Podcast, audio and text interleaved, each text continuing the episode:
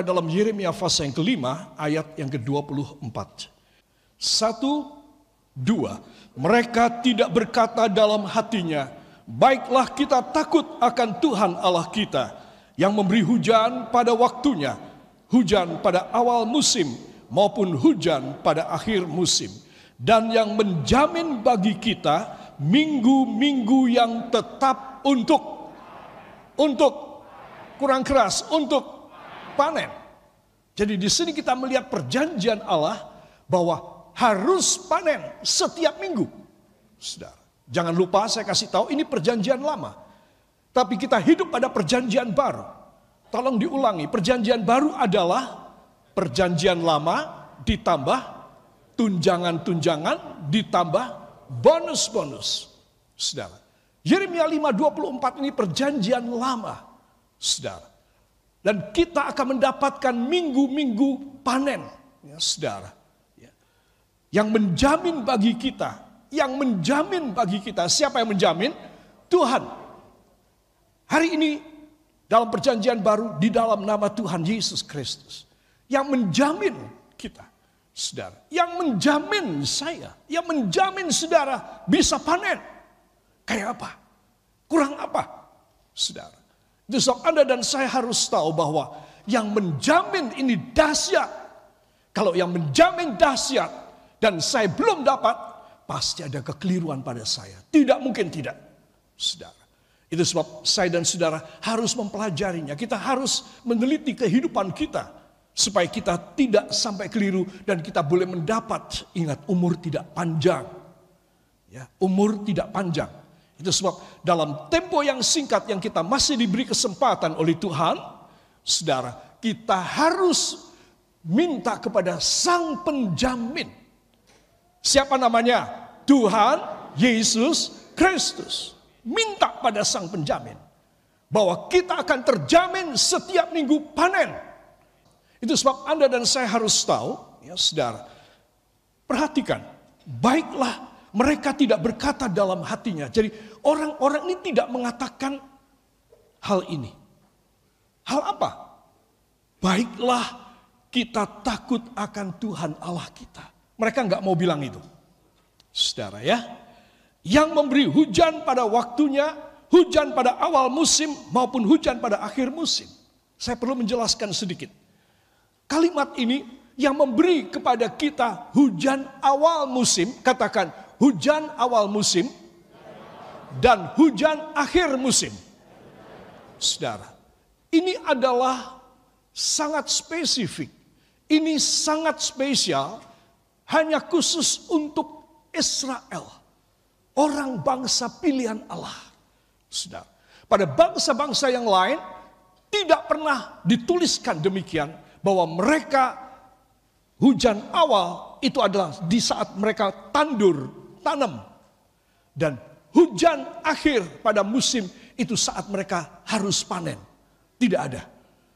Jadi saya berulang kali katakan bagi orang pilihan Tuhan, katakan bagi orang pilihan Allah, selalu ada tanda untuk menjadikan hidup ini dari awal sampai pada akhirnya panen, berhasil. Amin. Jadi saudara mesti tahu. Itu sebab pada bangsa ini Tuhan memberikan tanda. Ya, ada shower hujan sebentar, tidak lebat tapi cukup uh, deras dan itu tanda mereka bahwa mereka harus tandur, mereka harus nanam. Mereka akan bersuka cita. Mereka sudah menyiapkan benihnya, tapi mereka tidak akan berani menanam, tidak akan ada tandur kalau tidak ada hujan lebih dahulu. Sudah. Nah, hujan awal pada musim turun dan mereka mulai tanam. Sudah. Dan Alkitab mengatakan mereka membiarkan saja. Saudara, tidak ada cultivation, tidak ada bagaimana dipupuklah ataupun diairilah. Mereka membiarkan karena Tuhan yang memelihara setiap benih yang mereka tanam akan diberkati dan berhasil seratus kali lipat. Ini ciri khas dari para petani Israel ini. Saudara, Dan mereka membiarkan. Kenapa mereka membiarkan saja dan Tuhan yang menolong mereka tidak ada hama, tidak ada masa kekeringan, saudara. Tetapi semuanya akan berjalan dengan baik, tumbuh dengan subur, saudara. Nah, sampai pada hujan yang terakhir, mereka melihat ya gandum, padi, tanaman semua sudah mulai menguning, sudah siap untuk dipanen. Mereka belum berani panen. Mereka selalu melihat ke atas. Kapan Tuhan menurunkan hujan akhir? Kalau ada hujan akhir, shower lagi. Wah, mereka ganti pakai baju yang bagus, baju pesta, saudara. Dan mereka pergi keluar, mereka bersuka cita memuji Tuhan, karena mereka mendapat tanda hujan akhir, bahwa mereka akan panen, dan panennya pasti seratus kali lipat. Coba. Tetapi mereka ini tidak mau mengatakan baiklah kita takut akan Allah. Karena dia yang memberikan hujan awal. Dan dia memberikan hujan akhir kepada kita. Saudara, apa artinya? Yeremia berkata pada siapa? Kepada orang pilihan Allah. Yang sudah meninggalkan tradisi ilahi. Yang sudah meninggalkan tanda-tanda Allah. Saudara. Itu sebab sebenarnya kalau mereka taat kepada Tuhan dan mereka mau takut, baiklah kita takut akan Tuhan Allah kita. Kalau mereka mau melakukan demikian, saya katakan tadi, tidak ada hama sama sekali. Tidak ada yang merongrong mereka. Orang-orang nomaden yang berada di sekitar mereka tidak akan berani mencuri. Tidak akan berani merampok hasil daripada tanaman mereka. Tidak ada yang berani. Saudara, itu sebab Ketika mereka jauh dan undur dari Tuhan, Tuhan berkata kepada mereka, aku akan mengirim bala tentaraku yang dahsyat. Apakah itu? Pasukan tentara yang bersenjata lengkap yang dikirim oleh Tuhan? Tidak. Tuhan mengirim belalang.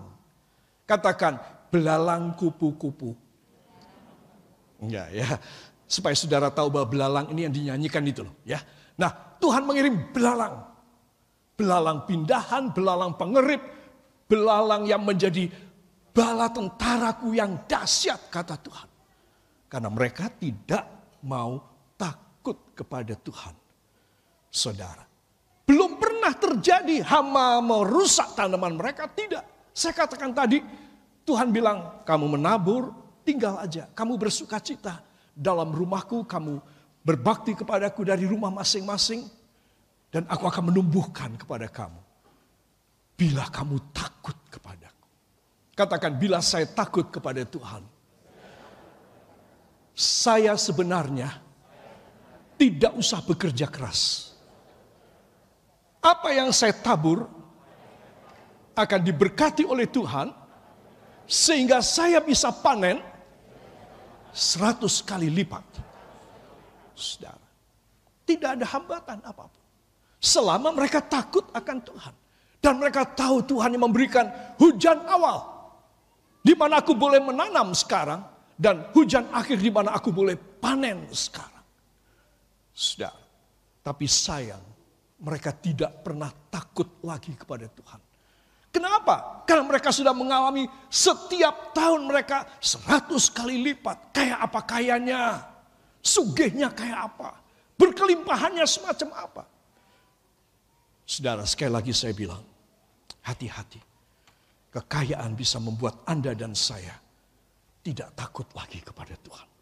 Saudara. Dan inilah sifat manusia. Di mana manusia ditempeli setan. Di telinganya, di matanya. Setan selalu mengarahkan. Supaya anak-anak Tuhan yang berhasil dan diberkati. Sebagai keturunan Abraham. Harus jatuh harus bangkrut, harus berantakan. Saudara mesti tahu, ini taktik daripada iblis. Nah, benar terjadi, Israel ketipu. Israel kena jebakan iblis. Dan mereka tidak takut lagi kepada Tuhan. Mereka tidak mengharapkan ada hujan awal, ada hujan akhir. Ah, nggak peduli semuanya, kita sudah cukup. Kita sudah hebat. Para kekasih inilah yang membuat Tuhan menjadi murka Tuhan menjadi marah. Juga pada zaman sekarang. Itu sebab kita harus berhati-hati. Itu sebab kalau saya dan saudara mengerti akan rahasia kegagalan. Saya bicara tentang rahasia keberhasilan. Tetapi ini ada rahasia yang tersembunyi dalam hati dan benak pikiran kita orang. Yaitu bagaimana kita dulu takut sama Tuhan ketika miskin. Tidak bisa makan. Tidak bisa bayar kontrak. Tidak bisa menyekolahkan anak. Tidak bisa beli gas. Tidak bisa memenuhi kebutuhannya. Wah takut sama Tuhan. Setia rajin banget. Sampai Tuhan kasih. Dikasih mobil lah, dikasih rumah lah. Hai, saya mau tanya. Apakah engkau masih tetap takut kepada Tuhan apa tidak?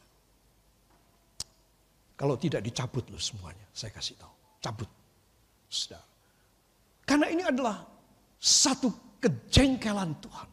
Aku yang memberi kepada kalian, kalian tuh tidak usah mikir, pokoknya kalian ada hujan awal, tanam, tinggal, tidak ada belalang yang akan menol, yang akan merongrong kalian. Aku kirim hujan akhir, panen. Selesai. Panenmu seratus kali lipat. Eh, kau masih kurang aja. Saudara, itu sebab kita harus perhatikan baik-baik saudara. Ya, Berkat ini bukan tanpa syarat dan ketentuan. Berkat dari Tuhan dengan S dan K apa S-nya? Syarat. K, ketentuan. Saudara. Itu sebab semua manusia, semua company, semua perusahaan, semua komoditas, semua manajemen meniru ini. Harus ada syarat, harus ada ketentuan. Enggak seenaknya. Saudara. Itu sebab kita harus mengetahui kalau kita tidak memeriksa dan koreksi dan bertobat, maka apa yang kita terima dari firman Tuhan setiap Rabu dan setiap Minggu dalam serial ini akan mubasir, tidak menghasilkan para kekasih. Dan saya tidak mau hal itu terjadi. Ya, saudara, ini hal penting sekali. Para kekasih, kenapa orang tidak takut kepada Tuhan?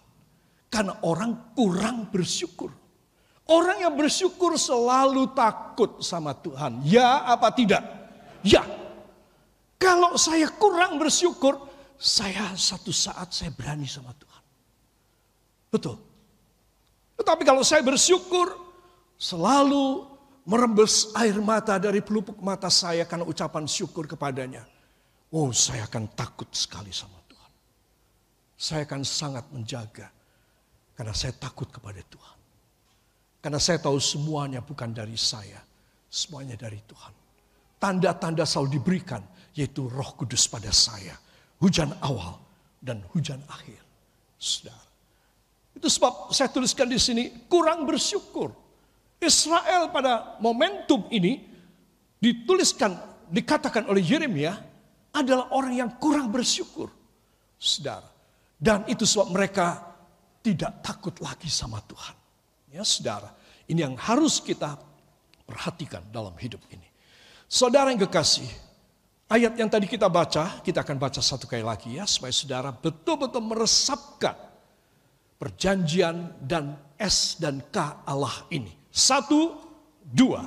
Mereka tidak berkata dalam hatinya, baiklah kita takut akan Tuhan Allah kita yang memberi hujan pada waktunya, hujan pada awal musim maupun hujan pada akhir musim dan yang menjamin bagi kita minggu-minggu yang tetap untuk panen. Beri kemuliaan yang baik bagi dia. Supaya kita semua sadar, ya Tuhan, saingan hamba banyak sekali. Keadaan akibat pandemi ini luar biasa. Orang cari uang susah, kejahatan di mana-mana, berani mati orang. Hanya untuk mencuri sesuatu yang harganya beberapa ribu atau beberapa ratus ribu. Tidak sampai jutaan. Orang berani mati. Orang perlu membunuh orang lain. Supaya mereka punya uang untuk makan. Saudara. Ini akibat daripada pandemi ini. Saudara. Semua orang kelabakan. Saya kasih tahu. Sudah begitu saudara mau usaha. Ada saingan-saingan. Jangan bilang tidak. Saudara. Pemerintah kita sangat menggalakkan UKM. usaha kecil dan mikro dari masyarakat, dari bangsa kita. Semakin banyak sekarang sudah hampir 50 juta UKM di seluruh Indonesia digalakkan. Tapi tahukah saudara, semakin banyak saingan. Semakin banyak saingan. Maksud pemerintah baik untuk supaya membuat masyarakat kita bisa bangun kembali ekonominya dan mereka bisa mendapat keuntungan dari usaha mereka walau kecil-kecilan, mikro sekalipun. Mereka bisa dapat untung. Tapi saingannya banyak. Saudara, mungkin ini yang tidak dipikirkan. Semakin banyak orang usaha, semakin banyak saingan. Tetapi umat pilihan Tuhan, katakan tetapi umat pilihan Tuhan dipagari tangan saudara, dipagari dengan hujan awal dan hujan akhir, yaitu urapan Roh Kudus di dalam kehidupan saya, saya akan berkemenangan. Saya diberkati dan saya akan berjaya dalam nama Yesus. Amin.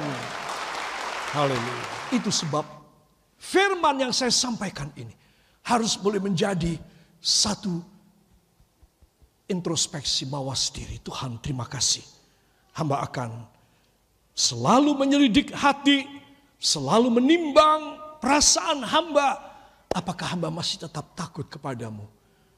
Tetap bersyukur dan makin bersyukur atau tidak? Karena ketika hamba tidak bersyukur, hamba pasti gagal, hamba pasti rugi. Yang percaya katakan amin.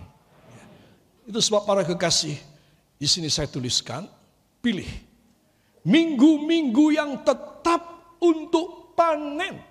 Katakan minggu-minggu yang tetap dalam hidup saya agar saya bisa panen. Saudara, jadi kita kalau pilih takut sama Tuhan, kalau kita pilih kita bersyukur kepadanya, kalau kita pilih kita dipagari oleh hujan awal dan hujan akhir, apakah itu? Urapan Roh Kudus, katakan urapan Roh Kudus, maka hidup saya Tuhan yang menjamin. Minggu-minggu saya penuh dengan panen dalam nama Yesus. Amin. Haleluya. Kekasih kita masuk pada poin yang kedua. Yang pertama adalah bila rohanimu, bila keadaan rohanimu baik, maka jasmanimu baik ya maka all thingsmu prosper. Rohanimu prosper, all thingsmu prosper. Katakan bila rohani saya prosper, yaitu sukses dan berkelimpahan, maka segala perkara saya akan prosper, sukses dan berkelimpahan. Amin. Nah ini nomor satu. Sekarang nomor dua adalah sabat. Katakan sabat. Pebisnis dan karyawan akan berhasil bila ia melakukan bersabat. Ya. Nah, Yesaya pasal yang ke-58 ayat 13 dan 14 mohon dibaca. Silakan dibuka. Yesaya pasal yang ke-58 ayat yang ke-13 dan ayat yang ke-14 saya undang kita bangkit berdiri sejenak juga di rumah saudara. Satu, dua menghormati hari sabat. Apabila engkau tidak menginjak-injak hukum sabat dan tidak melakukan urusanmu pada hari kudusku, apabila engkau menyebutkan hari sabat, hari kenikmatan dan hari kudus Tuhan, hari yang mulia, apabila engkau menghormatinya dengan tidak menjalankan segala acaramu dan dengan tidak mengurus urusanmu, atau berkata omong kosong, maka engkau ulangi, maka engkau akan bersenang-senang karena Tuhan dan aku akan membuat engkau melintasi puncak-puncak bukit puncak bukit-bukit di bumi dengan kendaraan kemenangan. Aku akan memberi makan engkau dari milik pusaka Yakob Bapak leluhurmu. Sebab mulut Tuhanlah yang mengatakannya. Amin. Katakan luar biasa. Tengok pada samping kanan dan kiri katakan, bila Anda percaya Anda dapat. Terus pada sisi yang lainnya, bila Anda melakukan Anda hebat. Yaitu kita harus bersabat. Yaitu kita harus bersabat. Di hadapan Tuhan. Amin. Beri tepuk tangan bagi dia. Haleluya. Silakan duduk kembali para kekasih. Saudara ini perjanjian yang besar ya. Saya tuliskan sabat artinya plongkan hati. Katakan sabat adalah saya harus memplongkan hati saya di hadirat Tuhan dan manusia. Serta melepaskan hidup saya dari ikatan-ikatan dosa. Ya, jadi itulah sabat. Dalam bahasa sehari-hari saya mengajak saudara untuk mudah dicerna, sabat adalah pelongkan hati kepada Tuhan. Jangan ada ganjelan sumbatan. Jangan ada sesuatu percederaan, permusuhan, pertengkaran, keras kepala dari Tuhan. Jangan. Saudara kasih plong Supaya hati saudara lega dan luas di hadapan Tuhan. Selain di hadapan Tuhan, katakan selain di hadapan Tuhan, juga di hadapan manusia. Saya harus plong hatinya. Amin. Saudara ini penting sekali ya. Orang yang hatinya tidak bisa plong. Maka bagaimana dia bisa kontak dengan Tuhan? Tidak mungkin. Ini pengalaman saya. Saudara. Pengalaman semua orang. Kalau hatinya tidak plong, maka tidak bisa dia ada satu hubungan yang baik dengan Tuhan. Saudara, kita harus dibersihkan, dibikin plong hati kita dari semua sumbatan. Baru kita bisa ada hubungan yang baik dengan Tuhan. Tuhan kirim hujan awal dan hujan akhir, yaitu curahan Roh Kudus, urapan Roh Kudus.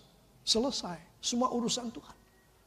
Hama, belalang, musuh, orang jahat, dan segala roh kerugian semua dibuang oleh Tuhan.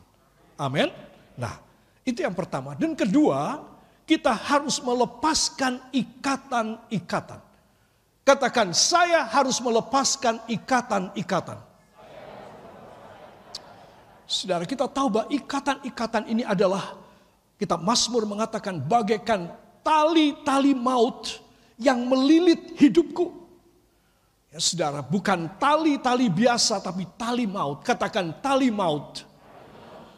Yang melilit hidup saya harus dibuka dan dibuang. Saudara, itu sabat. Jadi bukan saya dan saudara menghargai hari Sabtu atau hari Minggunya. Bukan harinya. Bukan momentumnya. Tetapi filosofinya Maksudnya apa? Saudara. Dan itulah yang membuat saya dan saudara bisa plong di hadapan Tuhan. Dan Tuhan bisa mencurai kita. Hal-hal yang ajaib Tuhan bisa mengerjakan buat kita. Harus diingat. Saudara. Saya mau cerita sedikit tentang Salomo. Salomo, saudara perhatikan, Salomo ini tidak perang. Tetapi dia cuma punya hikmat dari Tuhan. Tuhan mengaruniakan pada raja yang masih muda ini. Hikmat yang luar biasa. Jadi dia tidak perang. Orang tidak takut kepada Salomo karena Salomo menangan kalau perang. Tidak. Tetapi karena perkataannya Salomo dahsyat. Sampai semua raja-raja yang lain ketakutan. Tidak usah diancam, mereka akan kirim upeti kepada Salomo. Tidak ada apa-apa. Setiap hari beberapa raja antri untuk mengantar upeti kepada Salomo. Salomo mendapat laporan daripada menteri-menterinya, penasehatnya. Raja ini atau raja ini datang di luar sana akan menghadap baginda dengan memberikan upeti. Dia akan berkata, terima upetinya, suruh mereka masuk. Aku akan bicara sama mereka. Jadi raja-raja dan ratu-ratu datang kepada Salomo hanya untuk mendengar perkataan hikmat dari Salomo. Dan mereka tunduk semua menyembah di muka Salomo. Karena perkataan hikmat. Saya mau tanya. Apakah perkataan hikmat? Apa? Firman Tuhan. Di zaman Salomo, firman Tuhan dihargai sangat mahal. Saudara, firman Tuhan yang disampaikan. Bukan kata-kata mutiara. Saudara, tetapi ini firman Tuhan. Dan dia menyampaikan kepada mereka. Mereka membayar dengan harga mahal sekali kepada Salomo. Mereka setelah mendengar dan mereka merasa diberkati dan mereka menerapkan pada bangsa mereka. Beberapa bulan lagi mereka datang lagi untuk mendengar yang lain. Dan membawa upeti kepada Salomo. Di sini anak-anak Tuhan perhatikan. Apa sebab? Karena Salomo dia mempunyai satu sabat dengan Tuhan. Hatinya plong, bersih. Sungguh-sungguh bersih di hadapan Tuhan. Semua katakan tetapi. Setiap orang yang sukses wajib waspada. Sayang sekali di akhir kehidupan Salomo yang dahsyat ini. Dia telah jatuh dalam dosa. Dia memelihara begitu banyak wanita-wanita, saudara, dalam hidupnya. Dan dia ikut tata cara agama kepercayaan dari istri dan selir-selirnya. Salomo yang begini mulia dan dimuliakan oleh Tuhan. Yang tidak ada raja lebih pintar, lebih kaya, lebih berkuasa daripada dia itu janji Allah. Saudara, sekarang menyembah berhala Berhala istri nomor berapa ada di sana. Berhala istri nomor berapa ada di sana. Dan dia ikut serta. Alkitab mengatakan wanita-wanita ini menyelewengkan imannya Salomo. Dan Salomo taat kepada para wanita ini. Sehingga apa yang terjadi? Akhir kehidupan daripada Salomo, Tuhan tidak berkenan kepadanya. Jangan anggap bahwa Tuhan itu memberi tanpa S dan K. Tanpa syarat dan ketentuan. Tidak mungkin. Tuhan memberi dengan S dan K. Katakan Tuhan memberi dengan S dan K. Jadi Anda dan saya harus tahu. Kalau saya dan saudara tidak membuat hati kita selalu plong dengan Tuhan. Saudara, bagaimana kita punya hubungan yang baik dengan Tuhan ini kita tidak atur nomor satu, kita tidak perjuangkan, utamakan dalam hidup. Yang kita pikir cuma cari duit terus. Senang-senang terus. Jalan-jalan terus. Saudara, bagaimana? Engkau harus hati-hati. Satu saat engkau maju di hadapan hakim segala hakim. Saudara, itu sebab para orang tua harus memberitahu dan kasih warning kepada anak-anaknya, cucunya, menantunya, kalau perlu besannya juga. Supaya apa? Supaya inilah saatnya untuk datang sowan kepada Tuhan. Untuk lebih sungguh-sungguh kepada Tuhan.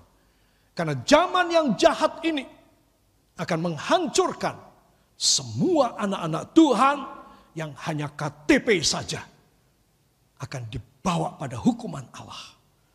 Tapi anak-anak Tuhan yang sungguh-sungguh dekat dengan Tuhan, yang dipagari dengan hujan awal dan hujan akhir, yaitu pengurapan dan curahan roh kudus. Hanya anak Tuhan inilah saja yang akan survive, yang akan berhasil, dan yang akan diberkati luar biasa.